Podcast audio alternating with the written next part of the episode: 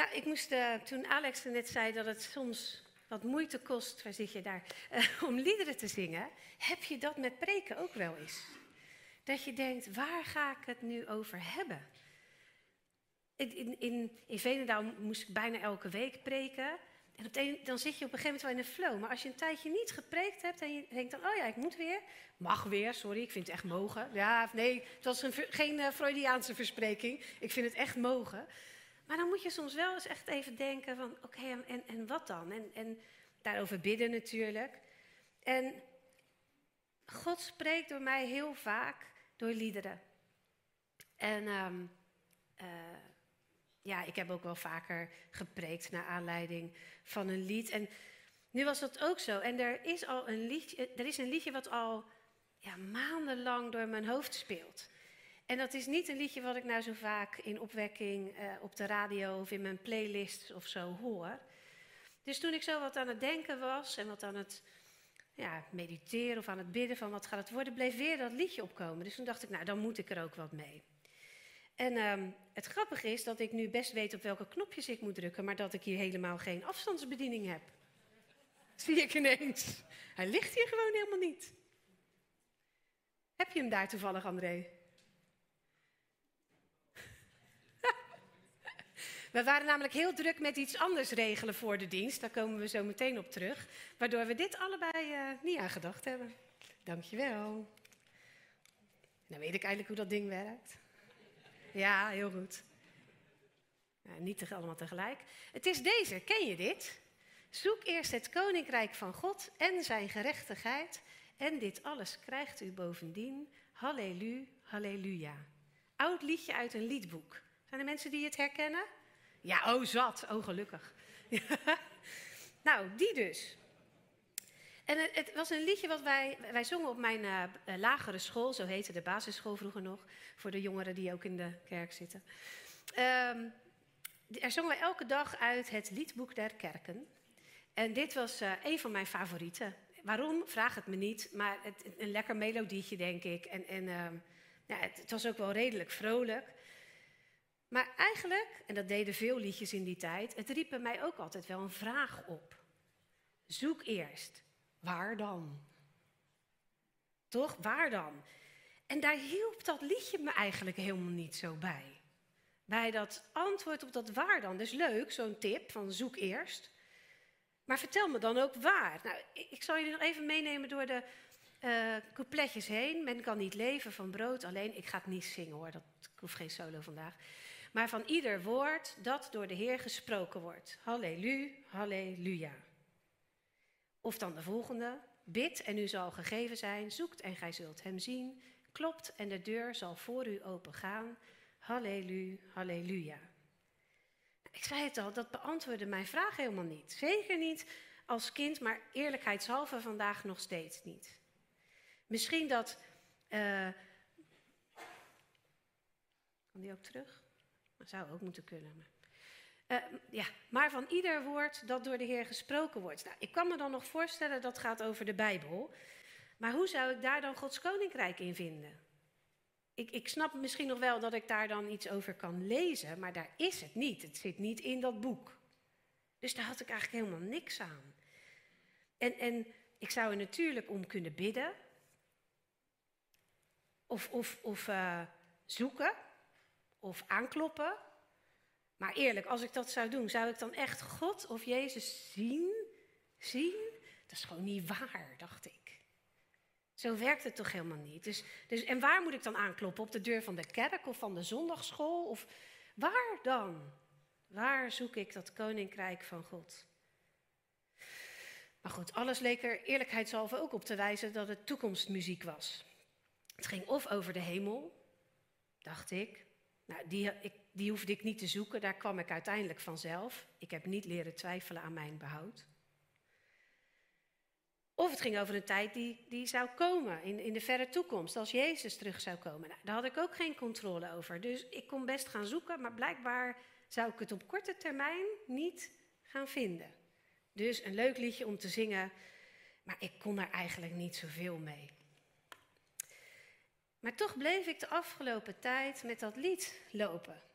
En, en dat was niet het, de oorworm waar Sylvia het een tijdje geleden over had. Dat maar blijft spelen in, in, en dat, je, ja, dat het door het melodietje en zo komt. Het, het, ik voelde ook zo dat het me echt wat wilde vertellen. En toen ik daar zo wat verder over nadacht, moest ik wel tot de conclusie komen dat ik de afgelopen maanden, of misschien al wel veel langer, nogal liep te zoeken naar dat koninkrijk. Beseffend dat ik ooit dacht, dat ga je niet vinden, liep ik toch te zoeken. En bij tijd en wijle ook nog behoorlijk gefrustreerd over het feit dat ik het niet kon vinden. Over het feit dat het in de wereld zo'n rommel is vaak, in onze levens zo'n zoveel gebrokenheid is, dat ik het niet kon vinden. Dus over dat koninkrijk wil ik het met jullie vandaag hebben. Maar dan wil ik wel eerst weten waar we het over hebben met elkaar. Dus, ik had eigenlijk tegen Alex willen zeggen bij de collecte, vraag mensen die hun telefoon pakken om hem gelijk vast te houden. Maar ik wil je uitnodigen, als je internet op je telefoon hebt, pak je telefoon er even bij. Echt doen nu, niet de collecte van ik heb al gegeven. Echt je telefoon even pakken. Het kost niet heel veel MB's, dus zet het even aan als dat uitstaat. Pak je telefoon erbij. Doe je browser open en ga naar menti.com. Mentos, weet je wel, die snoepjes, maar dan zonder de os en met een i. Menti.com. Als je goede ogen hebt, staat het daar ook helemaal bovenaan. Menti.com. Als je daar bent, moet je een code invoeren. Menti.com, de code. En de code die daar dan staat is 2717. Voor de mensen die, voor wie het te ver weg is. 2717 0502. 2717 0502. Lukt dat overal? Dan kom je meteen bij die vraag. Waar denk je aan bij Gods koninkrijk? En dan kun je drie dingen invoeren. Dat zijn bij voorkeur woorden losse woorden. Maar twee woorden kan ook. Als je denkt aan wat toch veel mensen, ik, geef er eentje weg misschien, geen pijn of zo, dan mag dat ook. Dus twee, ja, kijk, heel, heel veel mensen snappen het natuurlijk al, daar komt hij. Als je hulp nodig hebt, stoot even een buurvrouw of buurman aan. Er zitten ook een heleboel tieners, die snappen dit ook, die kunnen je ook nog komen helpen als ze wakker zijn. Jullie verwacht ik zeker. Uh, en kijk nou hoe leuk dit is. Dit is waar wij als gemeente aan denken bij Koninkrijk van God. En de woorden die je het grootst ziet staan, voor degenen die dat nog niet kennen, zijn de woorden die het vaakst ingevoerd worden.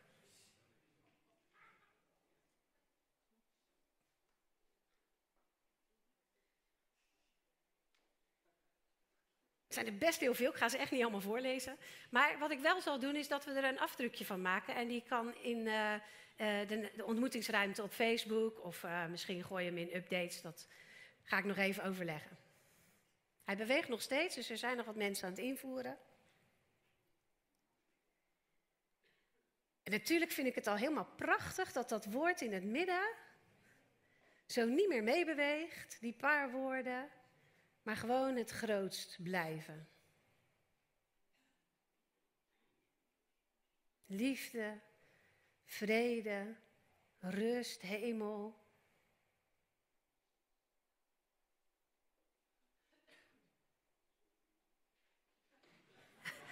Blij, nou jongens, zijn met drie woorden, hè? De beveiliging uit dat sommige mensen er twaalf in zitten te voeren? Nou, als u nog wat verder doorbeweegt, dat geeft niks. Maar ik denk dat we de, de kern hier zien. En ik denk dat het ook leuk is om op een later moment eens even al die kleinere lettertjes uh, toch ook te lezen. Ik ga hier nu niet al die woorden, zoals ik al zei, uithalen. zijn er ook echt veel te veel. Maar we zien dat het hart van onze gemeente, als wij als gemeente denken aan het koninkrijk van God, dan gaat dat over liefde. Nou, dat kan niet verrassend zijn in onze gemeente. Maar ook over vrede, thuis, hemel, Jezus, samen, ook mooi. Volmaaktheid, bij God zijn, eeuwigheid, vreugde. Vrede, die zei ik geloof ik al. Ja, als die beweegt, dan weet ik niet meer waar ik gebleven ben. Maar ik laat... We zien waar het over gaat. Dit zijn de dingen waar we aan denken. En ik denk dat we ons, ook al zijn het niet allemaal jouw woorden, dat we hier ook allemaal wel een gevoel bij hebben. Want ja, dat klopt. Dit is waar we het over hebben, waar we aan denken bij dat koninkrijk van God. En dit is precies wat ik loop te zoeken in de wereld. Dit is wat ik zoek, dit is waarnaar ik verlang. En ik hoop dat we er naar verlangen. Dat jij er met mij naar verlangt. En hoewel ik geloof in de dingen die Jezus zegt, dat het nabij is, dat het hier is en dat het in ons is, merk ik ook dat ik dat goede nieuws lang niet altijd zo gemakkelijk kan pakken. Zeker niet als er veel gedoe is, veel zorgen in mijn dagelijks leven of bij de mensen om me heen.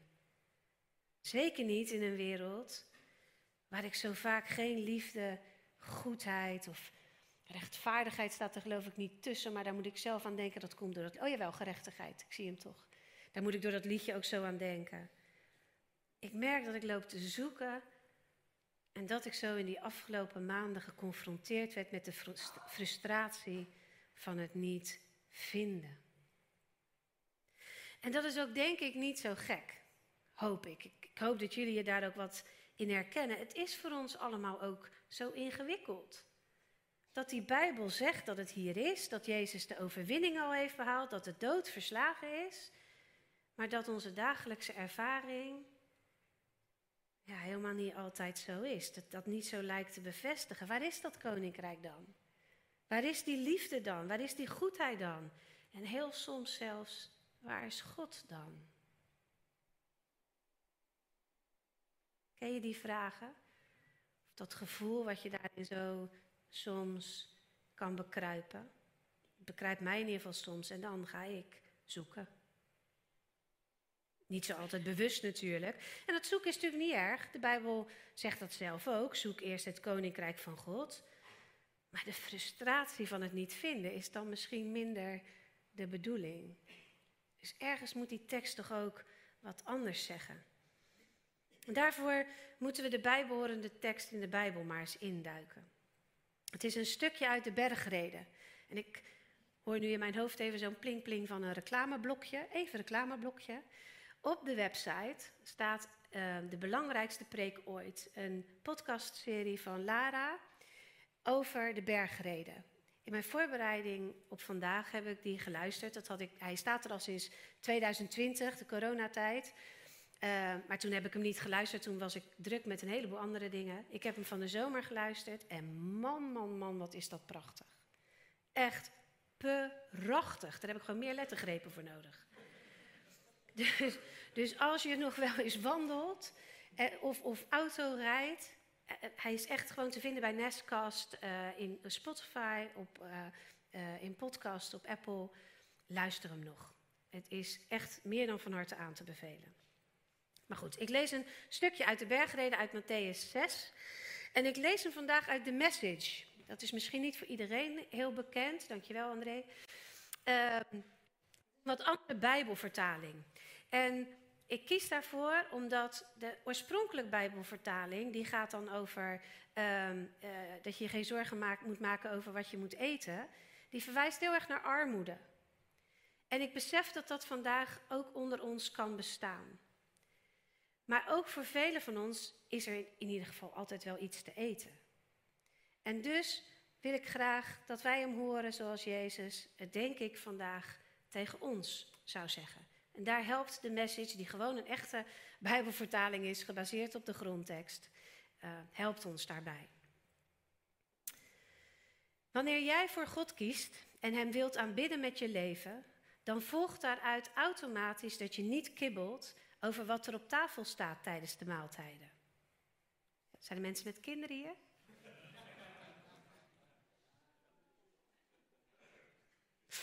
Of de kleren in je kledingkast wel passen bij de laatste mode.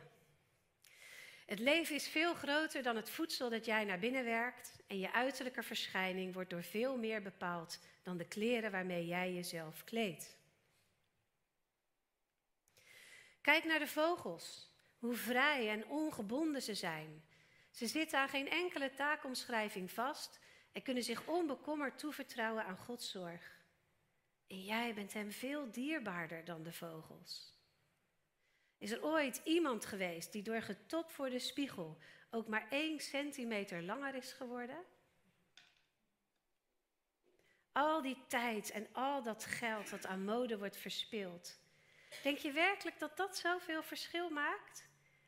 Leg die modefolders eens terzijde, loop naar buiten en kijk naar de wilde bloemen. Ze gaan nooit winkelen, dutten zich nooit op. Maar heb je ooit zulke mooie kleuren en ontwerpen gezien? De tien best geklede mannen en vrouwen van het land zien er showvol uit vergeleken bij hen. Als God zoveel aandacht besteedt aan het uiterlijk van wilde bloemen, waarvan de meeste nooit worden opgemerkt, geloof je dan werkelijk dat Hij geen zorg aan jou zou besteden? Hij is trots op je en doet zijn uiterste best voor je. Waar ik op uit ben, is dat jullie je ontspannen. Dat jullie minder gefocust raken op krijgen, zodat jullie beter kunnen reageren op Gods geven. Mensen die God niet kennen en niet weten hoe Hij werkt, maken zich druk over dit soort dingen. Maar jullie kennen God en jullie weten hoe Hij werkt. Dompel je leven onder in Gods werkelijkheid, Gods initiatieven en Gods voorziening. Hier staat dan eigenlijk: zoek eerst het koninkrijk van God en zijn gerechtigheid. Maak je geen zorgen dat je iets tekort komt. Je zult merken dat in al je menselijke dagelijkse noden wordt voorzien. Besteed al je aandacht aan wat God nu doet. Ga niet lopen stressen over wat er morgen allemaal wel of niet zou kunnen gebeuren. God zal je helpen bij alle moeilijkheden zodra die op je pad komen. De hele strekking van de tekst, zowel in deze als in de gebruikelijke vertalingen, is maak je geen zorgen. Maak je niet druk. Wees niet gefrustreerd. Niet tobben, niet piekeren, maar vertrouw erop dat God voor je zorgt. Als het echt gaat om, om dagelijks eten, dan is dat denk ik een andere uitdaging dan voor de meesten van ons. Maar dat neemt de bezorgdheid, het getop en gepieker lang niet altijd weg. Want als ik heel eerlijk ben, maak ik me wel degelijk regelmatig druk over de dingen die Jezus noemt. Ik las ergens een uitspraak. Ik wist niet dat het moeilijkste van volwassen worden zou zijn dat je de rest van je leven moet besluiten wat je elke dag moet eten. nou, ik zie wat, eerlijkheidshalve met name vrouwen. Mannen koken blijkbaar niet zo heel veel. Maar ik zie jullie knikken. Maar het is toch zo? Ik vind het soms echt niet te doen.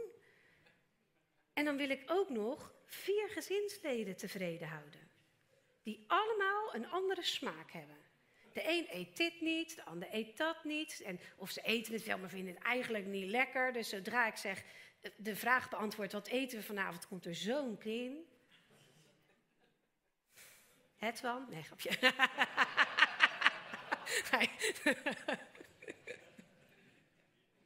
Nee hoor, van hem zal het niet zijn. Hij vraagt het ook nooit, eerlijk gezegd. Maar ik wil iedereen tevreden houden. Ik wil natuurlijk dat iedereen een soort blij is of zo aan tafel. Dus ik maak me daar druk om, terwijl er eigenlijk toch echt gewoon genoeg is voor iedereen, wat we ook eten. Of wat ik aan zal trekken. Hou op met me. Hoe vaak ik niet lang voor de kledingkast sta. Of hoeveel tijd ik niet doorbreng op, op internet om, om een outfit uit te kiezen voor een bijzondere gelegenheid of zo. Terwijl er echt genoeg kleren in mijn kast hangen die ik aan zou kunnen. ik kan hier toch ook niet iedere keer in dezelfde outfit in de kijker staan. Waarom doe ik dat? Waarom maken wij ons druk over dat soort banale dingen? En waar maak ik me dan nog wel meer niet druk over, wat eigenlijk helemaal niet zou hoeven?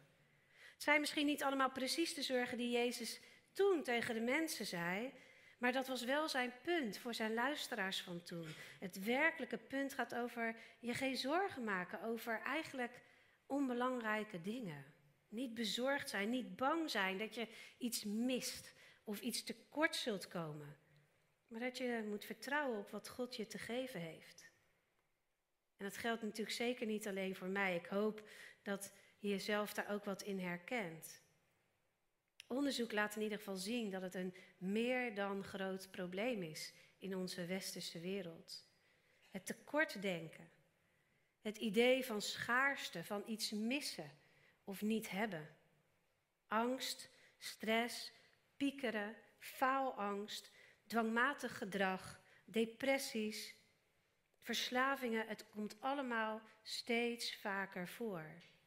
En al die dingen komen voort uit het eerste. Angst is de kern ervan. Piekeren of je zorgen maken gaat over de angst dat er niet genoeg is. Of dat iets niet goed komt. Of dat je zelf iets niet goed genoeg kan of zelfs niet goed genoeg bent. Zorgen maken gaat ten diepste over angst. Stress lijkt misschien aan de oppervlakte te gaan over het gewoon te druk hebben of zo. Maar ten diepste is het dan de angst dat het niet afkomt. Of dat mensen je niet aardig vinden als je je grenzen stelt. Of niet goed meer over je denken. Dat het gevolg heeft voor je carrière. Dat je minder gewaardeerd zult worden, je minder geliefd zult voelen. Dat ze denken dat je niet goed genoeg bent, of erger, dat dat ook nog waar is. Natuurlijk kun je ook, daar wil ik niet aan voorbij gaan, last hebben van angst en depressie door je genen of door andere grote gebeurtenissen in het leven. Maar vaak, echt vaak, is er een aanleiding die te maken heeft met niet goed genoeg zijn, met iets missen, het gevoel van falen, tekortschieten, tekortkomen. Niet altijd, maar wel echt vaak. En zonder een hele psychologische verhandeling te geven over al die andere oorzaken, zijn de onderzoekers het erover eens dat het universele verlangen, dat wil zeggen dat ieder mens dit heeft, en wat God misschien wel zelf in ons heeft gelegd. Het universele verlangen om gezien te worden, om van betekenis te zijn, om, om ons geliefd te voelen, dat dat in deze tijd door allerlei invloeden zo ondermijnd wordt, zo moeilijk gemaakt wordt, dat de angst dat dat niet zal gebeuren voor echt grote psychische problemen zorgt. Onze jeugd in het bijzonder heeft het daar erg zwaar mee. We zien echt een stroom van kinderen, van tieners en jongvolwassenen die plekken zoeken in de geestelijke gezondheidszorg, die hiermee te maken hebben. Maar ook onder volwassenen is dit een groot probleem. En dan denk je misschien, wat heeft dat dan met eten en kleding te maken? Nou ja, ik gaf het al een beetje weg. Ik vind het moeilijk om te besluiten wat we gaan eten, omdat ik al die gezinsleden tevreden wil houden. Ten diepste schuilt daar toch iets in van de angst dat als ik dat niet doe, dat ze me dan minder lief zullen vinden. En ho, ik weet echt met mijn rationeel denken dat dat niet waar is. Natuurlijk houden mijn kinderen geen klap minder van me op het moment dat ik ze iets voorzet. Nou ja, in dat moment lijkt het misschien wel even zo. Maar dat is precies waar het om gaat. In dat moment. En denk nou niet heel erg over mijn kinderen. Ik geef wat voor, maar over het algemeen gaat dit echt goed. Maar in het moment dat ze even sip kijken omdat ze iets moeten eten waar ze niet zo zin in hadden, voel ik een steekje van binnen. Ergens raakt dat toch iets aan die onbewuste angst. En dat is een korte termijn denken. Maar ja, zo werkt mijn systeem. Dat is er alleen maar nu. En dan praat ik mezelf natuurlijk wel bij van... nee joh, daar gaat het helemaal niet over. Ze moeten gewoon iets gezonds naar binnen. Prima. Maar ik voel hem wel. Even. En jongen, als ik het dan heb over kleding... wat heb ik lang van mijn leven gedacht... dat mijn uiterlijk mede bepaalde of mensen van me zouden houden of niet. Daar heb ik echt decennia over gedaan om dat niet meer te geloven. Ik geloof het echt niet meer. Maar toch is er soms blijkbaar nog een restje in mij over. Dat toch denkt dat mijn uiterlijk belangrijk is in hoe jullie over mij denken. En ik kan hier toch niet steeds in dezelfde kleren staan. Ik wil er toch leuk uitzien en het liefst nog voor zover mogelijk op mijn slangst. Maar wat Jezus graag voor ons, voor mij en voor jou wil, is dat je daar niet afhankelijk van bent in je denken, in je gevoel van geliefd zijn, in je goed genoeg voelen. En het gaat nu misschien over eten en over kleding, omdat dat voorbeelden zijn die dicht bij mijn hart liggen. Maar misschien is het voor jou de, de, de, het rapport wat je af moet leveren op je werk. Misschien is het iets anders wat je op je werk moet doen of thuis speelt. Misschien moet jouw huis wel spik en span schoon zijn, omdat je denkt dat andere mensen daar wat van denken. Misschien mag er geen enkele taalfout in je werk zitten, terwijl jou dat heel veel moeite kost. Nou ja, noem het maar op. Jezus wil voor jou dat je daar je niet afhankelijk van voelt voor je gevoel van geliefd zijn. Want die waardering van buitenaf, die je dan misschien ook wel krijgt, die is van korte duur. Die hangt af van wat wij zelf doen, kopen, presteren, aantrekken, maken, maar het is zo weer weg. Prediker zegt daar iets over. Hij zegt dit. Ik heb maar een klein stukje op de beamer, de rest moet je maar gewoon luisteren. Ook heb ik grootse dingen ondernomen. Ik heb voor mezelf paleizen gebouwd en wijngaarden geplant. Ik heb tuinen en parken aangelegd en daarin tal van vruchtbomen geplant. Ik heb waterbekkens gegraven om een bos met jonge bomen te bevloeien. Zij heeft keihard gewerkt. Ik heb slaven en slavinnen gekocht en ook hun kinderen werden slaven in mijn huis.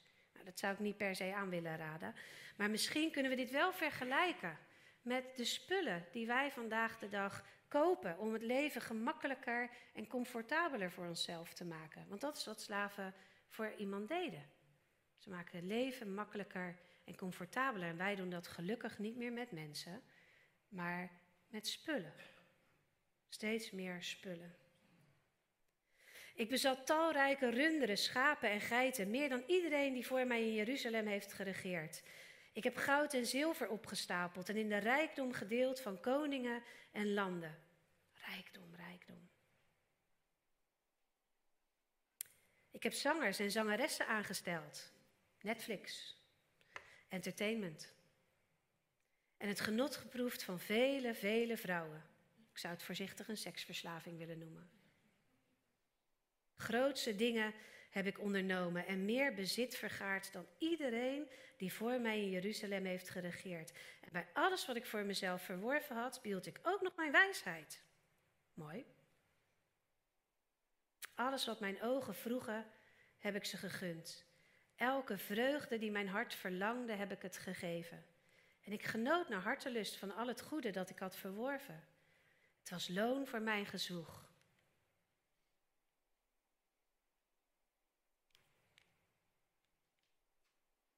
Beetje klein.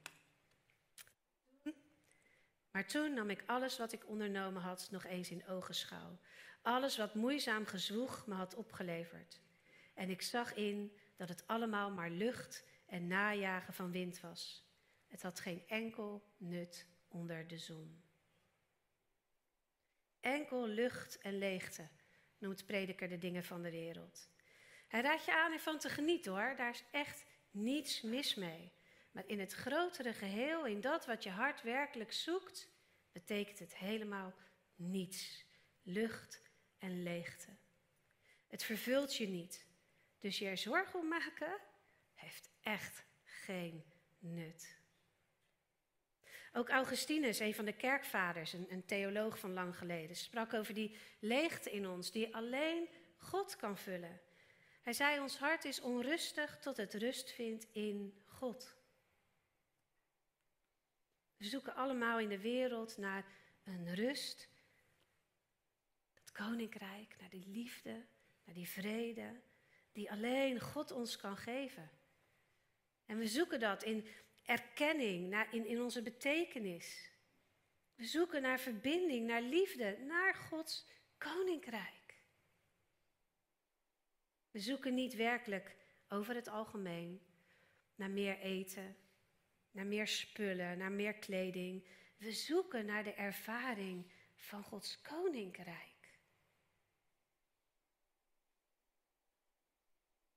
We zoeken het alleen op de verkeerde plaats. in de keuken, op je werk, voor een kledingkast. En daar vinden we quick fixes. Heel even werkt het. Heel even voel je je geliefd, gezien, van betekenis, blij. Een quick fix. Heel even een verlichting van het gemis diep van binnen, waar je eigenlijk werkelijk naar op zoek bent. En die quick fixes zullen niet blijvend zijn. Ze worden gedreven door angst en frustratie. Terwijl we zoeken naar de ervaring van de liefde, zijn we steeds bang dat die er niet is of niet voldoende zal zijn. En dan wordt het nog waar ook. Want als je leeft vol van zorgen, oftewel vol met angst, vanuit het gevoel van niet genoeg, dan wordt het waar. Omdat angst en liefde niet tegelijkertijd in je gevoel, in je systeem aanwezig kunnen zijn. En dat is dan ook eigenlijk de kern van het verhaal. Daar waar angst is, kan geen liefde zijn. En omgekeerd is dat ook waar. Waar liefde is, zal geen angst zijn. Het zijn twee dingen die gewoonweg niet samengaan. Dus daarom zegt Jezus, zoek eerst dat koninkrijk van God. Want als je daar begint, als je begint vervuld met liefde, dan maak je je daar geen zorgen meer over. Omdat je weet dat God heerst en dat er ook diep van binnen voor jou gezorgd wordt. Dat je niet bang hoeft te zijn. Dat je geliefd bent, dat er genoeg is en dat je genoeg bent. Maar dan blijft misschien toch de vraag waar dan te zoeken. Dat staat er. Want dat blijft een gevoel van frustratie in zich houden als het je niet lukt. Althans bij mij wel.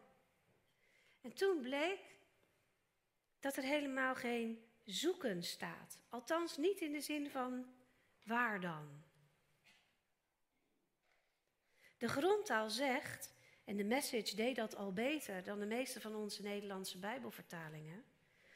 Maak het tot het allerbelangrijkste waar je mee bezig bent.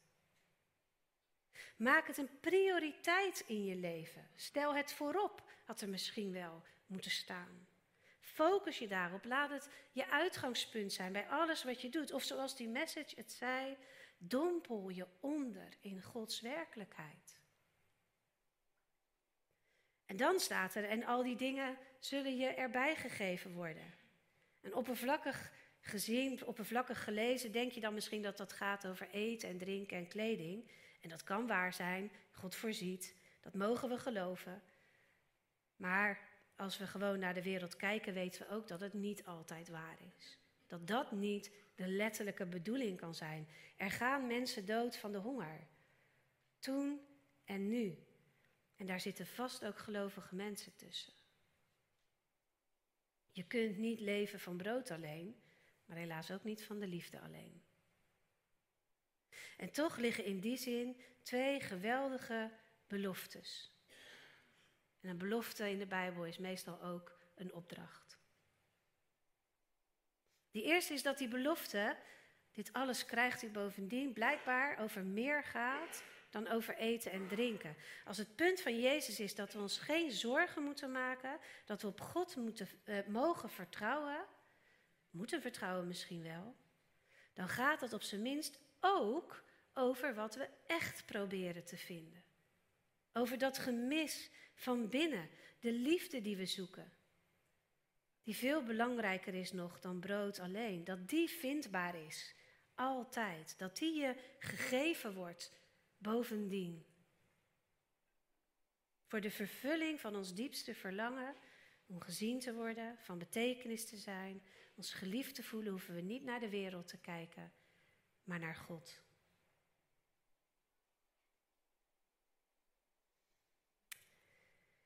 Naar zijn koninkrijk in ons. In ons. Door ons te verbinden met zijn liefde, door te kiezen voor zijn liefde, het gewoonweg te ontvangen en ons erin onder te dompelen.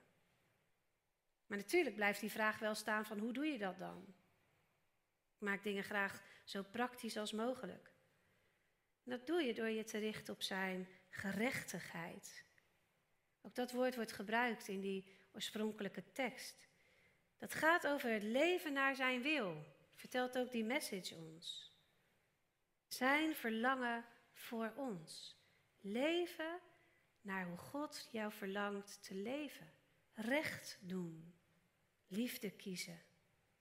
In het eerste deel van die bergreden, in hoofdstuk 5 en 6, geeft Jezus daar instructies over. En hij legt de lat onwijs hoog. En als je het zo leest, dan denk je, hoe dan? Dat is haast niet haalbaar. Maar die worden hierdoor juist haalbaar. Niet in woede blijven hangen. Betrouwbare mensen zijn. Steeds kiezen voor de liefde. Dat is zijn gerechtigheid. En, en door dat te doen wordt de ervaring groter en blijvender en daarmee wordt het ook steeds makkelijker om te doen. Het balletje gaat rollen en het, en het neemt vaart. Door dat te doen wordt de ervaring groter en wordt de ervaring van die liefde in jou dus groter. Gods koninkrijk in, je, in jou steeds groter. Dat is wat we hier heiliging noemen. Zo gaan we lijken op Jezus. Steeds meer, door te kiezen voor de liefde, worden we steeds meer liefde. En waar liefde heerst, is Gods koninkrijk. Dit alles krijgt u bovendien. Dat gaat niet alleen over het ontvangen van al die dingen. Want we kunnen niet leven van liefde alleen. In een wereld, in een gemeente, waar liefde heerst, waar mensen Gods koninkrijk tot hun prioriteit maken, waar Gods rechtvaardigheid gedaan wordt, daar kun je geen werkelijk tekort lijden. Ook niet op die praktische dingen. Want als jij brood nodig hebt, zijn hier mensen die je brood willen geven. Als jij hulp nodig hebt, zijn hier mensen die je willen helpen. Als jij kleding nodig hebt, zijn hier mensen die je kleding willen geven. Of je willen helpen eraan te komen.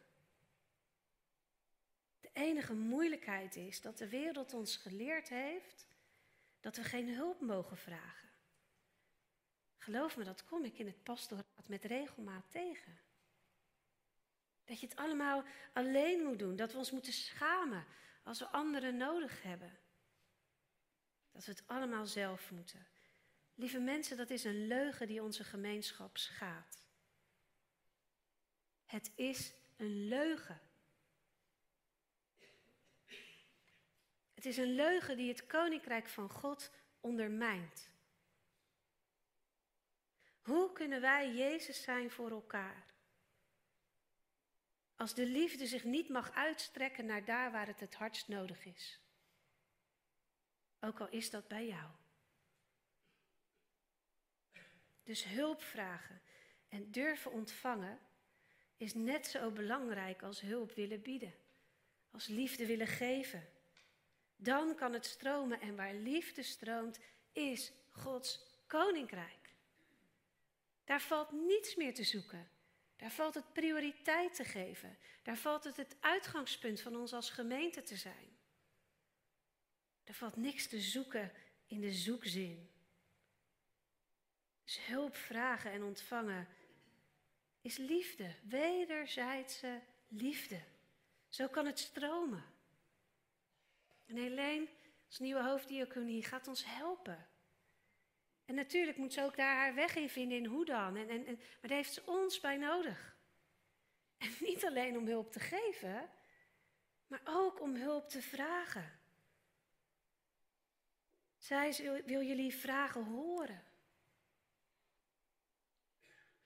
Zien. En ze zal je helpen om die hulp te vinden en te ontvangen, zover als onze mogelijkheden zich uitstrekken. En als lichaam van Christus hebben we er vele. Hebben we zoveel mogelijkheden.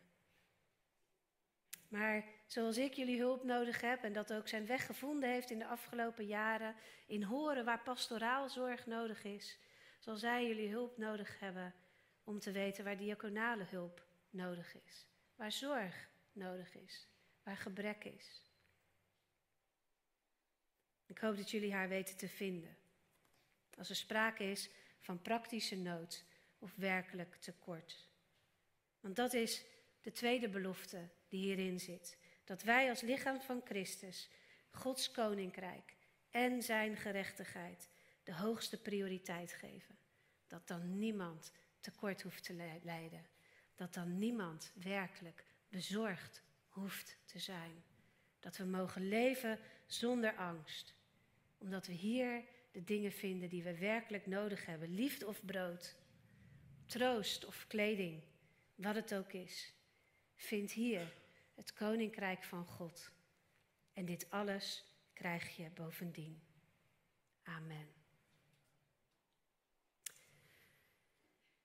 Terwijl de band het podium opgaat. Um, ja, ik, ik zat zo wat na te denken over wat voor lied je hier aan koppelt. En ik wil met jullie zingen over de goedheid van God. Omdat het daar begint. Wij beseffen hoe goed God is. En de liederen voor de preek deden daar ook al zo aan mee. Omdat God trouw is. Omdat je op God mag vertrouwen. Maar in dat alles hoop ik dat je beseft dat wij dat zijn. We hebben zo een relatie met God, zeker. Maar we hebben ook zo een relatie met God in en door elkaar. Want letterlijk als je hier zo meteen struikelt, zijn de handen die je oprapen van ons. Want wij zijn zijn lichaam. Hij doet dit werk door jou. De goedheid van God leeft in jou.